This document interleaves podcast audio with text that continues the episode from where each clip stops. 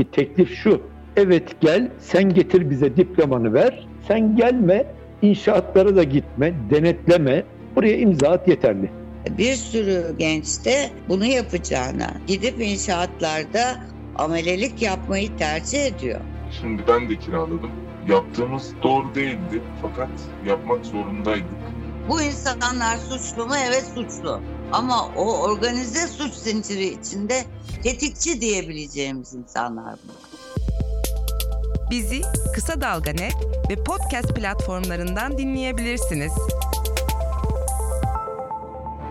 İnşaat mühendisliği diplomamı kiraya vermek istiyorum. Sigortamı tam gün gösterecek, ödemeleri aksatmayacak bir yapı denetim firması arıyorum.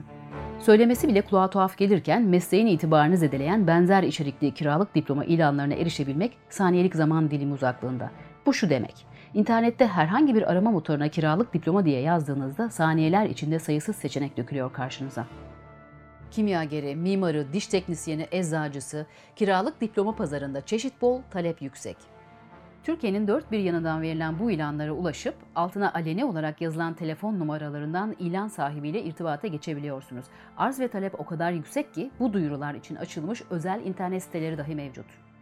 Diploma kiralamanın yasal olup olmadığı meslek etiğine aykırılığı 114 kişinin hayatını kaybettiği İzmir depreminden sonra yeniden gündeme geldi.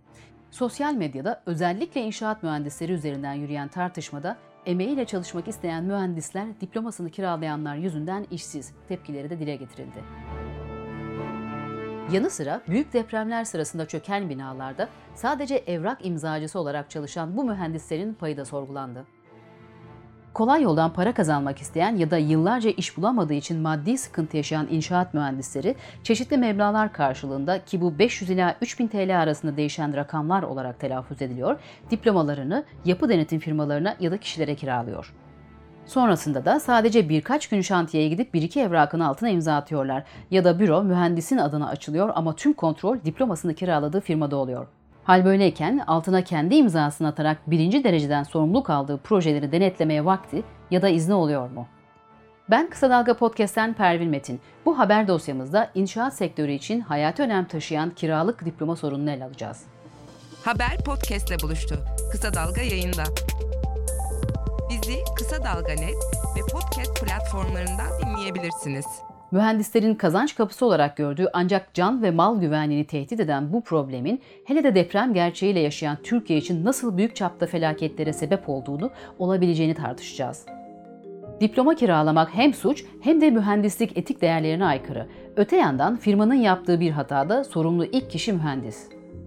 Meslekten men edilme hatta cezaevine girme riskine rağmen bir mühendis kaderini neden başkasının ellerine bırakır? Kolay yoldan para kazanmanın cazibesi mi yoksa her yıl yaklaşık 10 bin mühendisin mezun olup işsizler ordusuna katılmasını yarattığı çaresizlik mi? Türkiye'nin gerçekten bu kadar yeni inşaat mühendisine ihtiyacı var mı? Bu soruların yanıtını birinci ağızdan yani daha önce diplomasını kiralamış 28 yaşındaki bir inşaat mühendisinden aldık. Elbette adı ve orijinal sesi bize saklı kalmak koşuluyla. Peki sadece ahlaki değerlerle konuyu ele almak sorunu çözer mi? Suçu ve suçu yaratan koşulları, çözümünü İnşaat Mühendisleri Odası İstanbul Şube Başkanı Nusret Suna ve mesleğin doğayenlerinden yüksek mimar Mücella Yapıcı ile konuştuk. Nusret Suna yanıtlıyor. Neden bir inşaat mühendisi çalışmak yerine diplomasını kiralamayı tercih eder? Şöyle ki 4 yıllık bir okulu bitiriyorsunuz, lisans diplomanızı alıyorsunuz. Türkiye sınırları içinde ertesi günü sonsuz derecede imza hakkına sahip oluyorsunuz. Bu konu yanlış. Birinci zaten bu bir tartışılmalı. 100 katlı bir binanın projesini yapma ve sorumluluğunu alma hakkına sahip oluyorsunuz. Veya herhangi bir kamu yatırımının, bir barajın, bir yolun projelendirilmesinde imza hakkına sahip oluyorsunuz.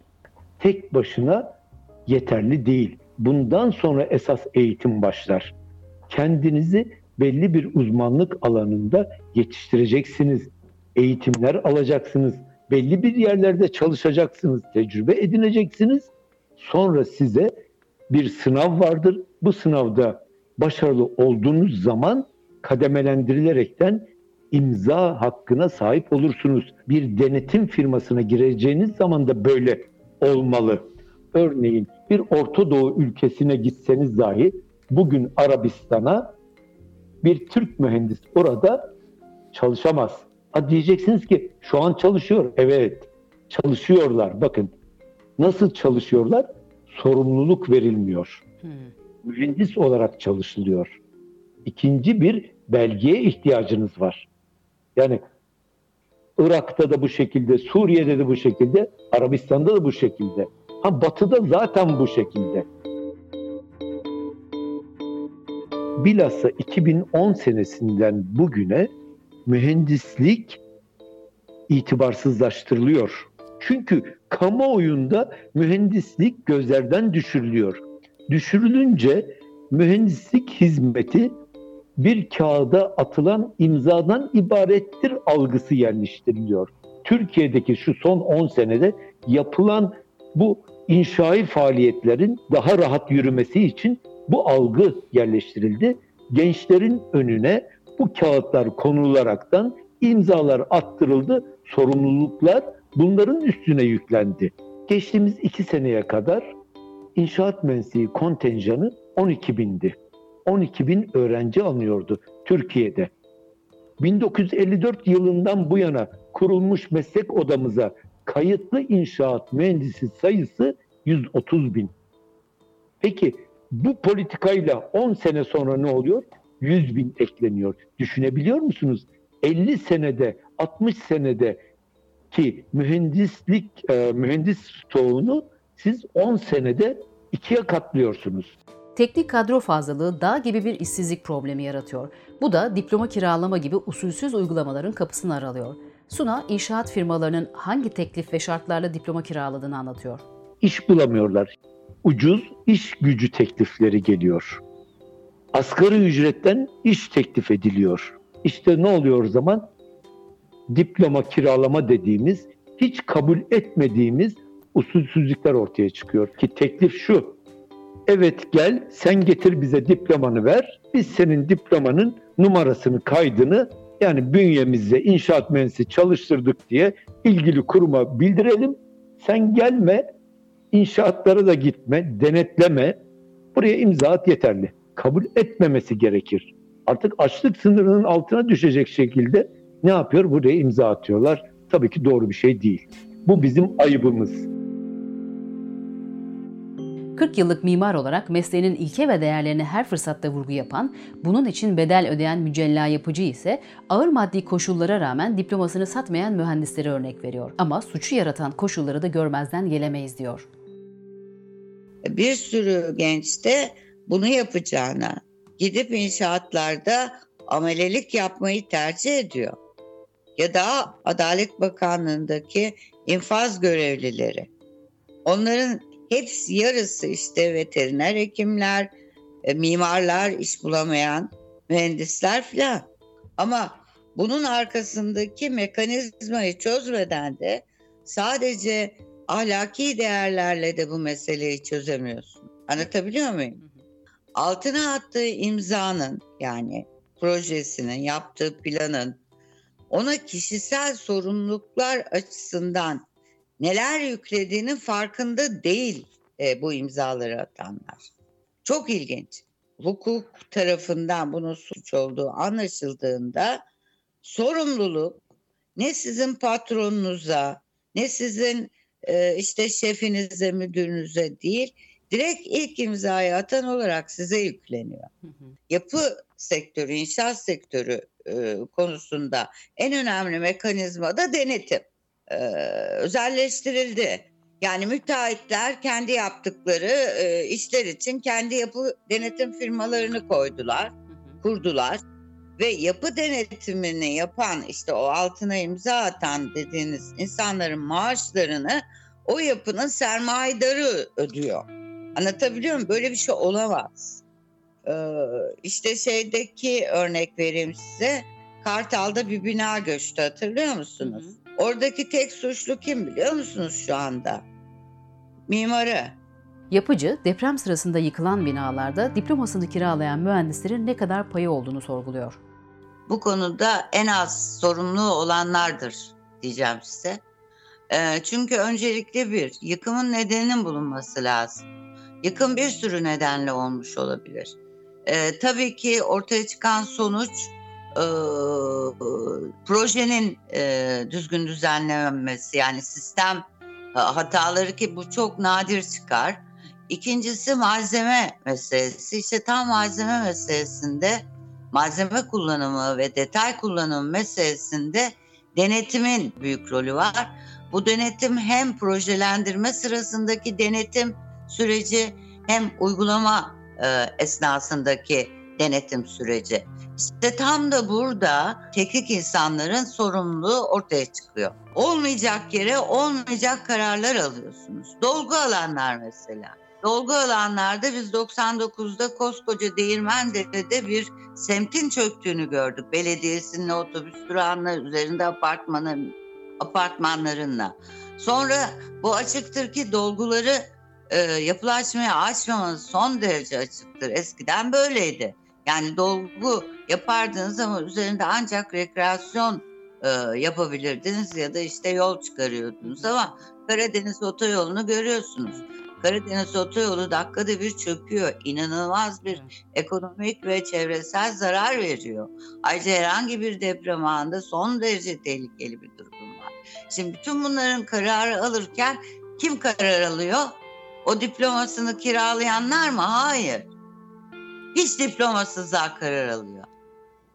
Ha burada günah keçisi ilanına gelinince işte o zaman oraya imzayı atan ya da diplomasını satan insanlar suçlandırılıyor.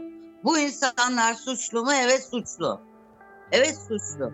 Ama o organize suç zinciri içinde tetikçi diyebileceğimiz insanlar bunlar. Suça azmettirilenler. Böyle bir sistemde diplomasını kiralayanların sorumluluğu ne kadardırın cevabı siz verin. Herkesin sorumluluğu kadardır. Hiçbir şey yapmayanın sorumluluğu kadardır. Bunu bilip susanın sorumluluğu kadardır. Ama asla e, bu sistemi kurup devam ettiren ve bundan kar elde edenlerin sorumluluğu kadar değildir. Nusret Suna da bir mühendis attığı imzanın sorumluluğunu ölene kadar taşır diyor ve özellikle genç meslektaşlarını karşılaşabilecekleri ciddi yaptırımlara karşı uyarıyor. Okul bittikten sonra attığınız imza normal hani okuldaki yoklama esnasında atılan imzaya benzemez. Ömür boyu karşınıza çıkacak olan imzanın sorumluluğu üstümüzedir. Karşımıza çıkar. Bugün imzayı atarsınız. 30 sene sonra bir olay olur, bir şey olur. İşte İzmir'deki deprem. O bu sefer buyurun gelin derler.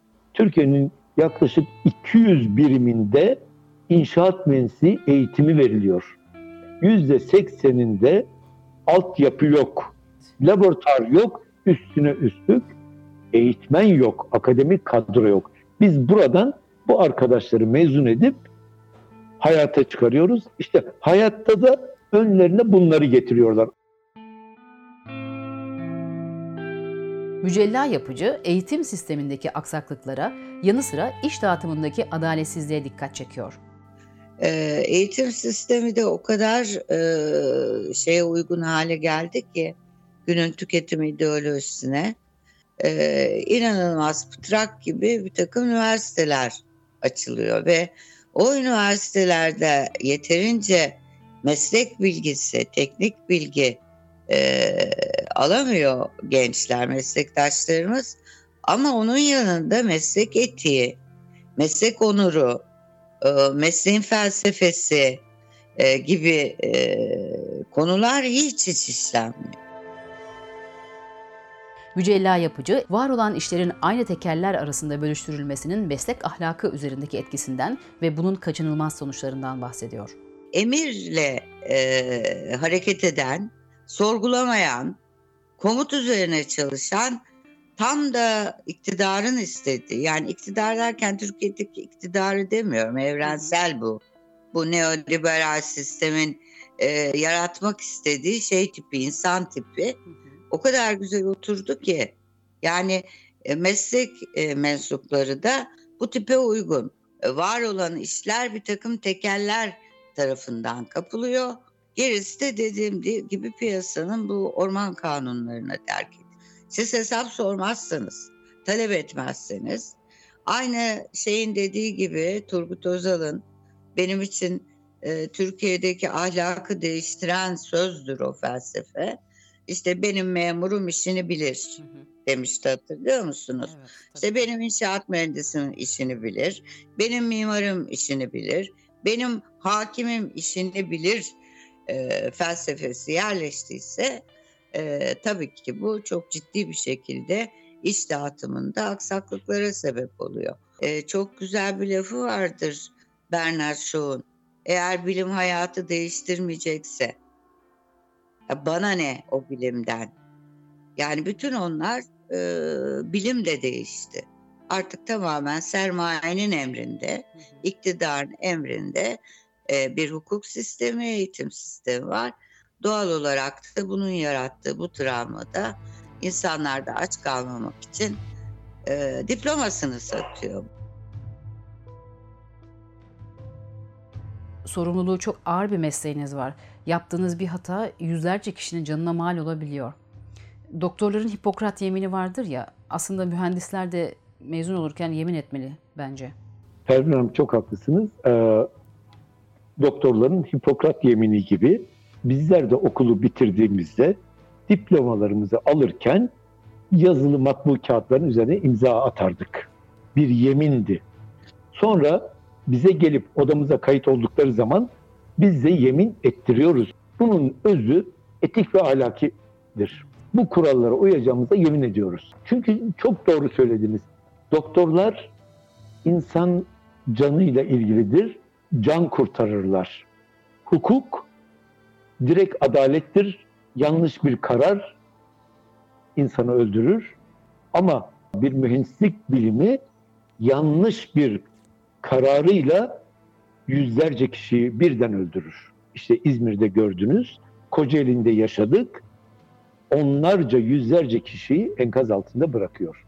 Onun için o mesleğe uygun davrandığım için de ağırlaştırılmış müebbetle yargılanıyor.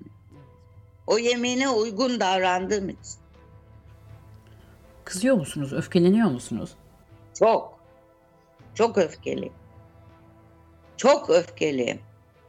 Farkında olmanın getirdiği o sorumluluk hissi var ya, öldürecek o bizim hepimizi. Sadece sadece doğru bildiğim, o ettiğim yemine uygun yaşıyorum o kadar. Çünkü benim en büyük korktuğum hapishane kendi vicdanımı soktuğum hapishane. Ne kahramanız, ne korkusuzuz. Ödüm patlıyor. Benim de çoluğum çocuğum var. Ama yok ki başka yolu. Bizi Kısa Dalga Net ve podcast platformlarından dinleyebilirsiniz. Şimdi söz savunmadan. Üniversiteden 2 yıl önce mezun olan 28 yaşındaki inşaat mühendisi S'de diplomasını neden ve nasıl bir anlaşma karşılığında kiraladığını, aldığı ücreti, yaptığı hatanın vicdani boyutunu Kısa Dalga Podcast dinleyicileri için anlattı. Elbette sektörün içinde bulunduğu problemlere de değinerek. Hangi üniversiteden, ne zaman mezun oldunuz ve e, yaşınızı merak ediyorum. E, bahseder misiniz biraz bize kendinizden ve deneyiminizden, mesleki e, deneyiminizden? Pamukkale Üniversitesi İnşaat Mühendisliği bölümünden 2018 senesinde mezun oldum. Ee, okuduğum süre 2014'ten beri inşaat sektörünün içerisindeyim. 28 yaşındayım. Pamukkale Üniversitesi bu konuda e, yeterli olabilecek üniversitelerden, köklü bölümlerden bir tanesiydi inşaat mühendisliği. Bir mühendis diplomasını kiralamayı neden tercih eder? Şimdi ben de kiraladım. Ee, üniversitedeki iş hayalimizle bize orada yansıtılan hayalle gerçek yaşamdaki iş potansiyeli gerçekten farklı. Üniversiteden mezun olduğumuzda zaten bir 3-4 aylık bir süreç bizim iş aramamızla geçiyor ki şanslı olan iş bulabiliyor. Artık firmaların tamamı deneyimli mühendis arıyor. Çok deneyimli mühendis çalıştırmak istiyor. Fakat yeni mezunlar ne yapacak? Bunu düşünen yok. Ondan dolayı mecburen diploma, diplomayı kiralayıp e, hayatımızı devam ettirmeye çalışıyoruz yani. Siz ne kadar işsiz kaldınız peki mezun olduktan sonra? Mezun olduktan sonra 8 ay civarı işsiz kaldım. Bu süreçte de diplomamı kiraya verdim.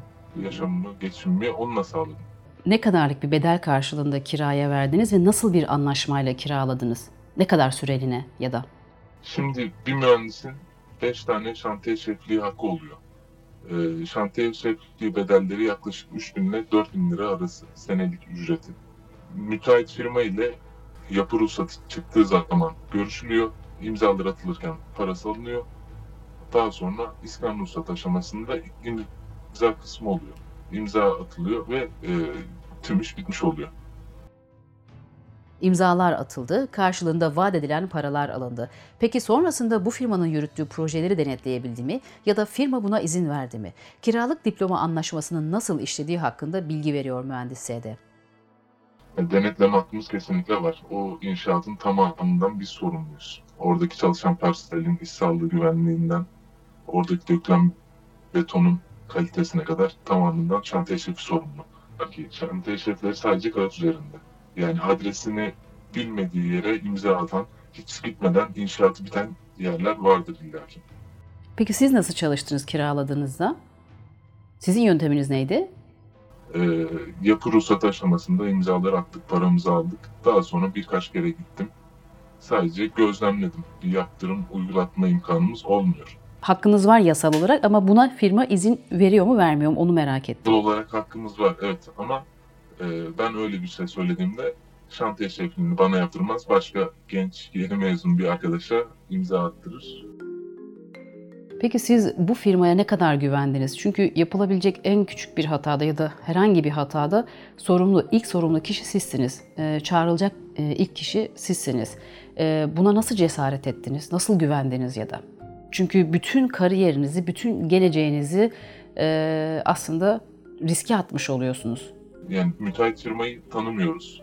Yani tanıdıklarımız oluyor ama genelini tanımıyoruz.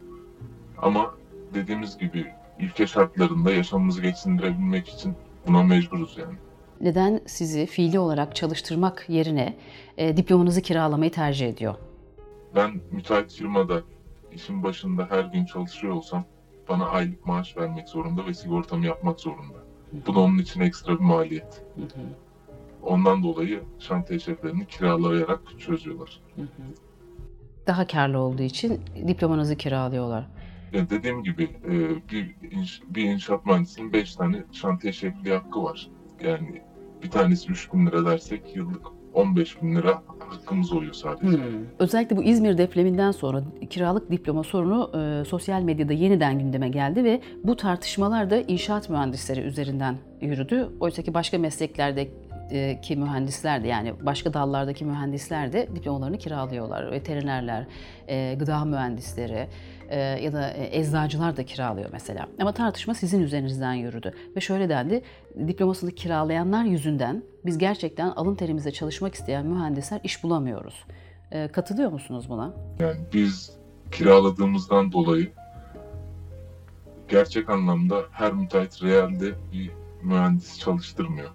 E bunun da etkisi çok fazla. Yasalardaki açıklar, daha sonra e, kurumlarda çalışıp dışarıdan iş yapan denetçiler.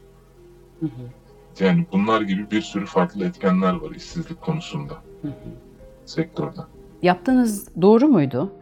Yaptığımız doğru değildi fakat yapmak zorundaydık vicdan olaraksa illaki düşündürüyor. Yani orada sonuçta canlar yaşıyor. Ama mecburduk bunu yapmaya. O kadar zor bir durumda mıydınız hakikaten maddi olarak? Şöyle yeni mezun bir inşaat mühendisinin hayalleri oluyor.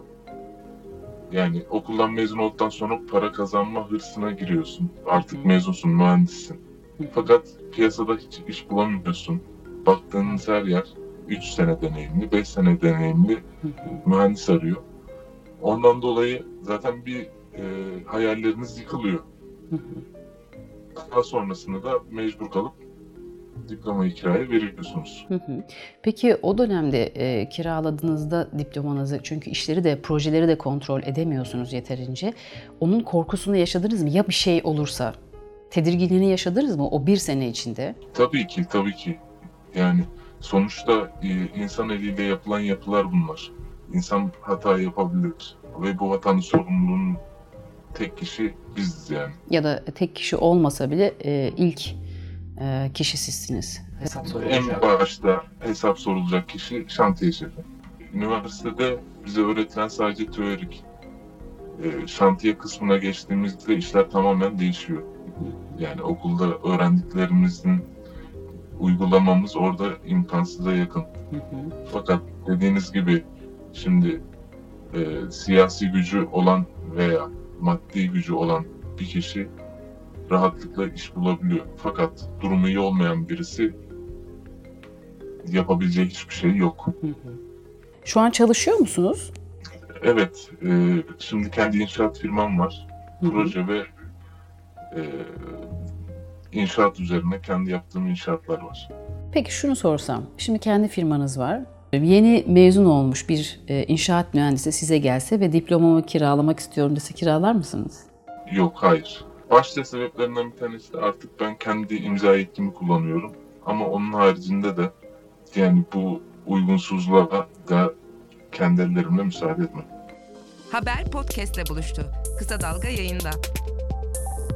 Bizi Kısa Dalga Net ve podcast platformlarından dinleyebilirsiniz.